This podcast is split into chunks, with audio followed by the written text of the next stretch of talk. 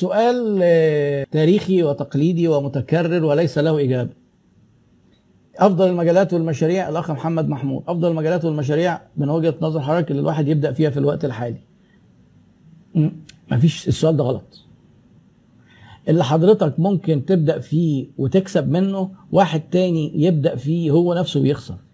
الفرق بيكون إيه؟ أنت حضرتك خبرتك في إيه؟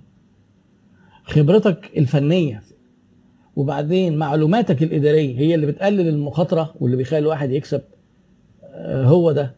وما تاخدش بعقلية القادم الجديد اللي هو بياخد بالمظهر من بره. المظهر من بره إيه؟ آه ده الكافيهات زحمة ده المطاعم زحمة ده كل الناس بتروح تعمل مع مفيش حاجة اسمها كل الناس.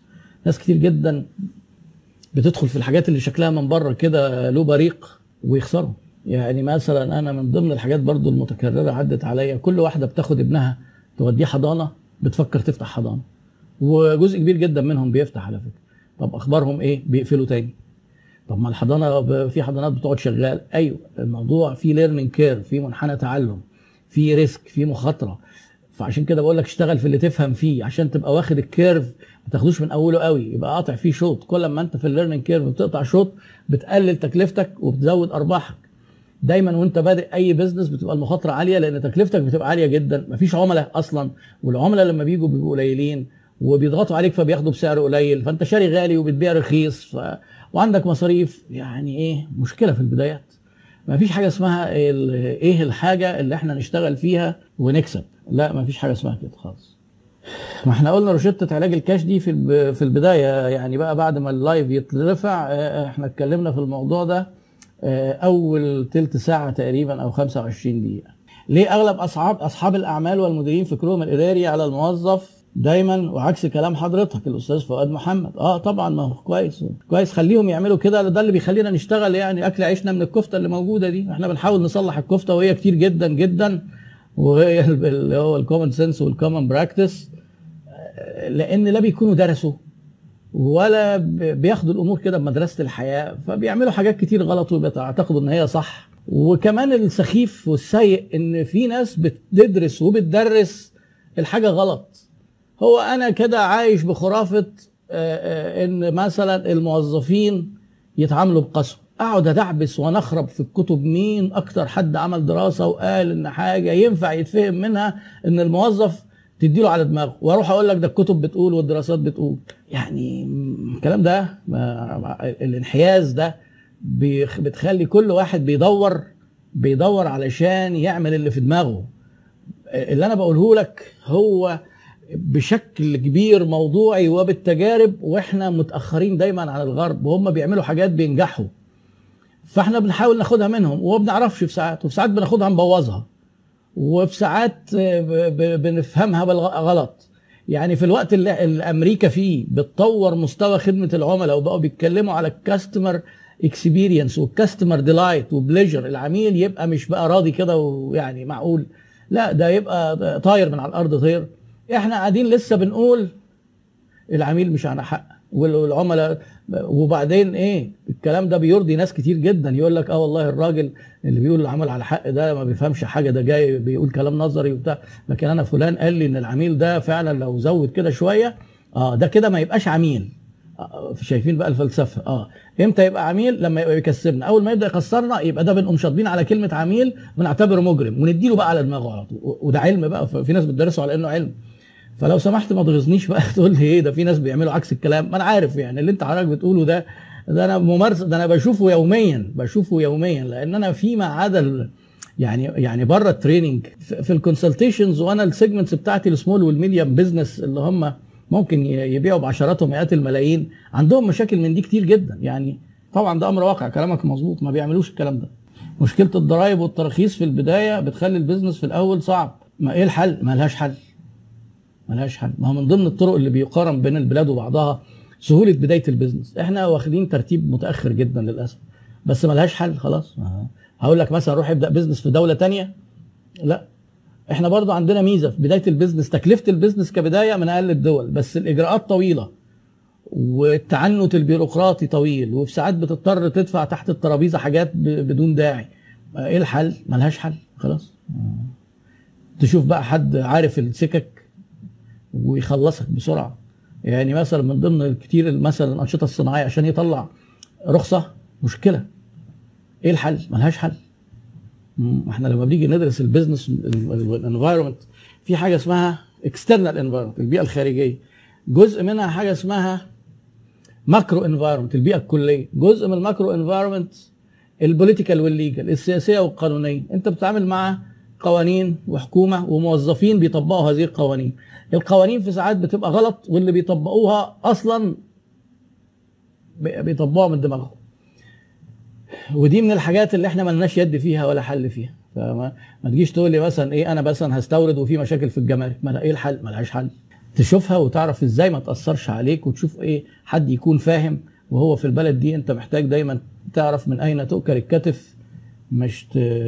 مش تمد إيدك كده في حتة تلاقي في فخ في الكتف ولا حاجة. طيب آه، الأخ أحمد عاطف سؤال طويل. آه. أنا مهندس ومهاراتي كلها فنية وحسابية. وإدارة المشروع م- مش الشركة وعندي آه، عقدة المنفذ دايما حابب اكون قرب التنفيذ. آه، عشان ما عنديش ثقة في اللي تحت تمام. وإحنا اتكلمنا في الموضوع ده إن ممكن واحد يكون خلفيته اوبريشنز ويعمل business يلاقي إدارة الشركة غير إدارة ال project اللي هو اللي كان ماسكها وده جزء من الشركة آه، فدي مشكلة حلها إيه؟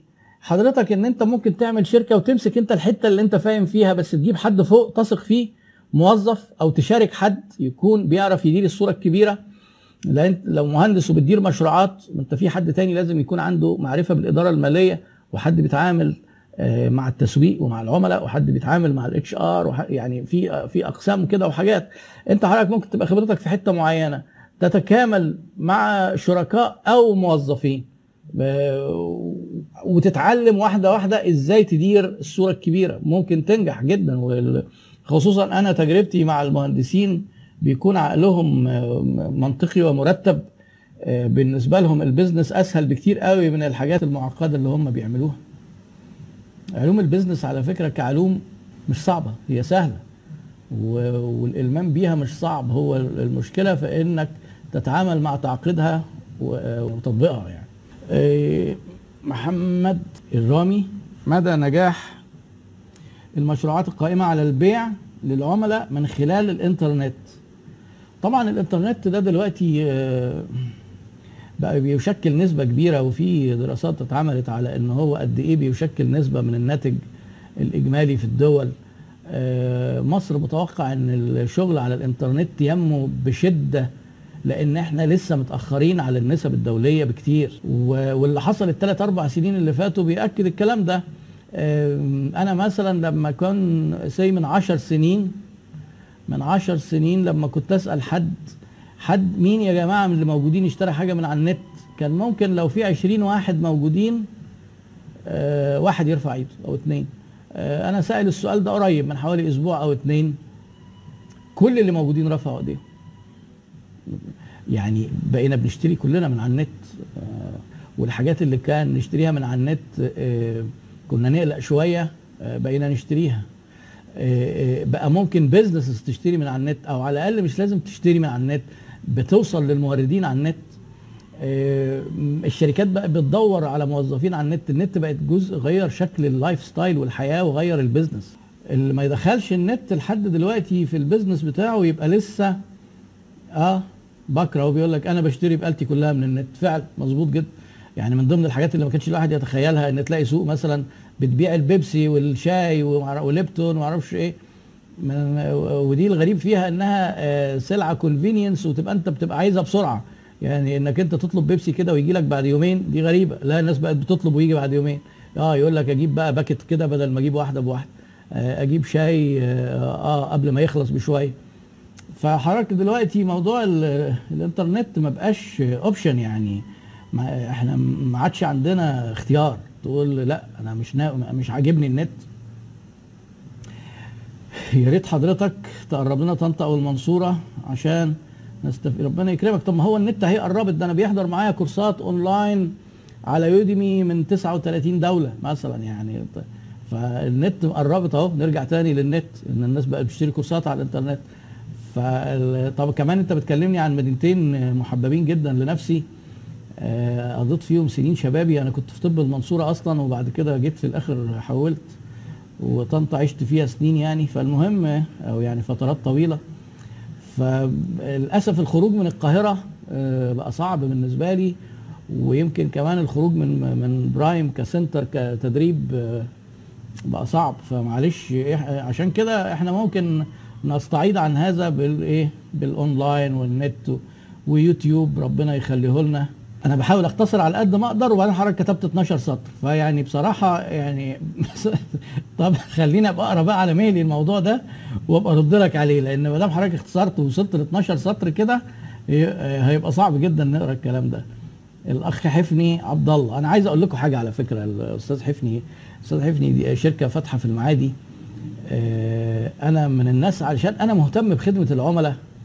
ومهتم جدا بإن الناس تتعامل بشكل كده يعني نقدر نقارن نفسنا بشركات بره. أنا اتعاملت مع الأخ حفني عبد الله في شركته. آه، كنت بشتري انت إيه بدأت أنا تلاقوني كده بطلع آه، ماسك كده بتاعه كده وأقعد بكتب عليها اسمها دي اسمها drawing tablet المفروض بيشتروها الفنانين وبتوع الكرتون والكلام. أنا كنت عايز أجيبها من امازون وبعدين عملت search فلقيت إن الشركة موجودة في مصر وليها وكيل فدخلت على ال message فلقيت بعد دقيقة واحدة بيرد عليا حد وبعدين لقيته فاهم كويس وبيتكلم بذوق وأدب. آه، أنا قلت مين موظف خدمة العملاء اللي بيتكلم بال؟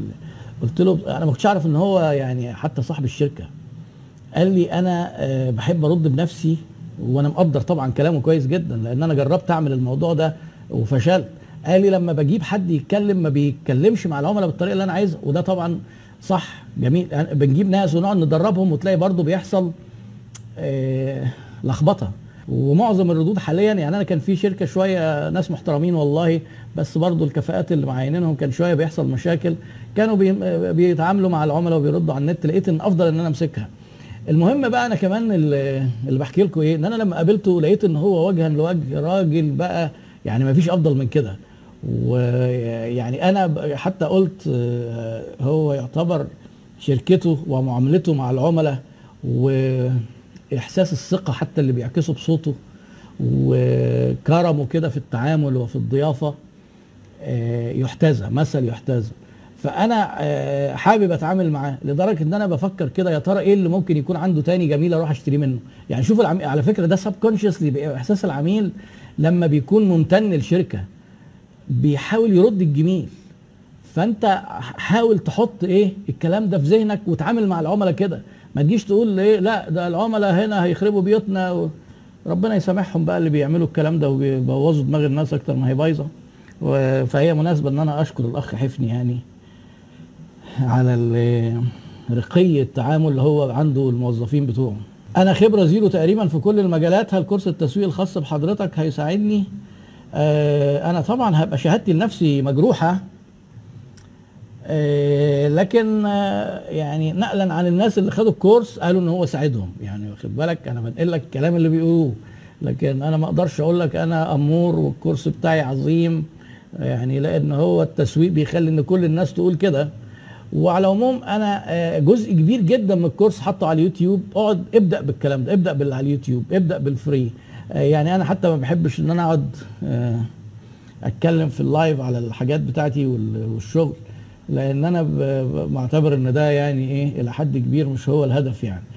فلقيت نفسك هتستفيد وقتها بقى نبقى نشوف بقى إذا كان هنقدر بقى ندفعك فلوس ولا إيه الوضع. إيه آخر نظريات التسويق وإيه هو مستقبل التسويق في الدراسة عشان أركز عليه؟ يعني هو التسويق هو دلوقتي أصبح علم متماسك والهيكل العظمي بتاعه يعتبر إيه اكتمل إلى حد كبير. لكن باستمرار في أبحاث في مجالات كتير ومن المجالات طبعا اللي بت سريعة جدا معدل التسارع فيها أكتر من غيرها التسويق الإلكتروني والوجود الإنترنت. كل سنة في trends كده وفي حاجات جديدة. فحضرتك لو أنت بقى مهتم بعد ما تعرف أساسيات التسويق لو عايز تعرف الحاجات الجديدة واللي بتتطور بسرعة خليك في الحتة بتاعت ال digital marketing لكن هو ما عادش يعني ما فيش يعتبر نظريات. بمعنى نظريات الأمور آه، بشكل عام التفاصيل بتتغير. لكن لما تمسك مثلا كتاب كوتلر في خلال مثلا طبعات ال سنة اللي فاتوا وتقارن أول طبعة بآخر طبعة فيما عدا ال chapter بتاع ال digital marketing التغييرات بسيطة قوي في بقية الشباتر. آه، يعني هي ال backbone واحد التغييرات اللي جوه نسبتها بسيطة.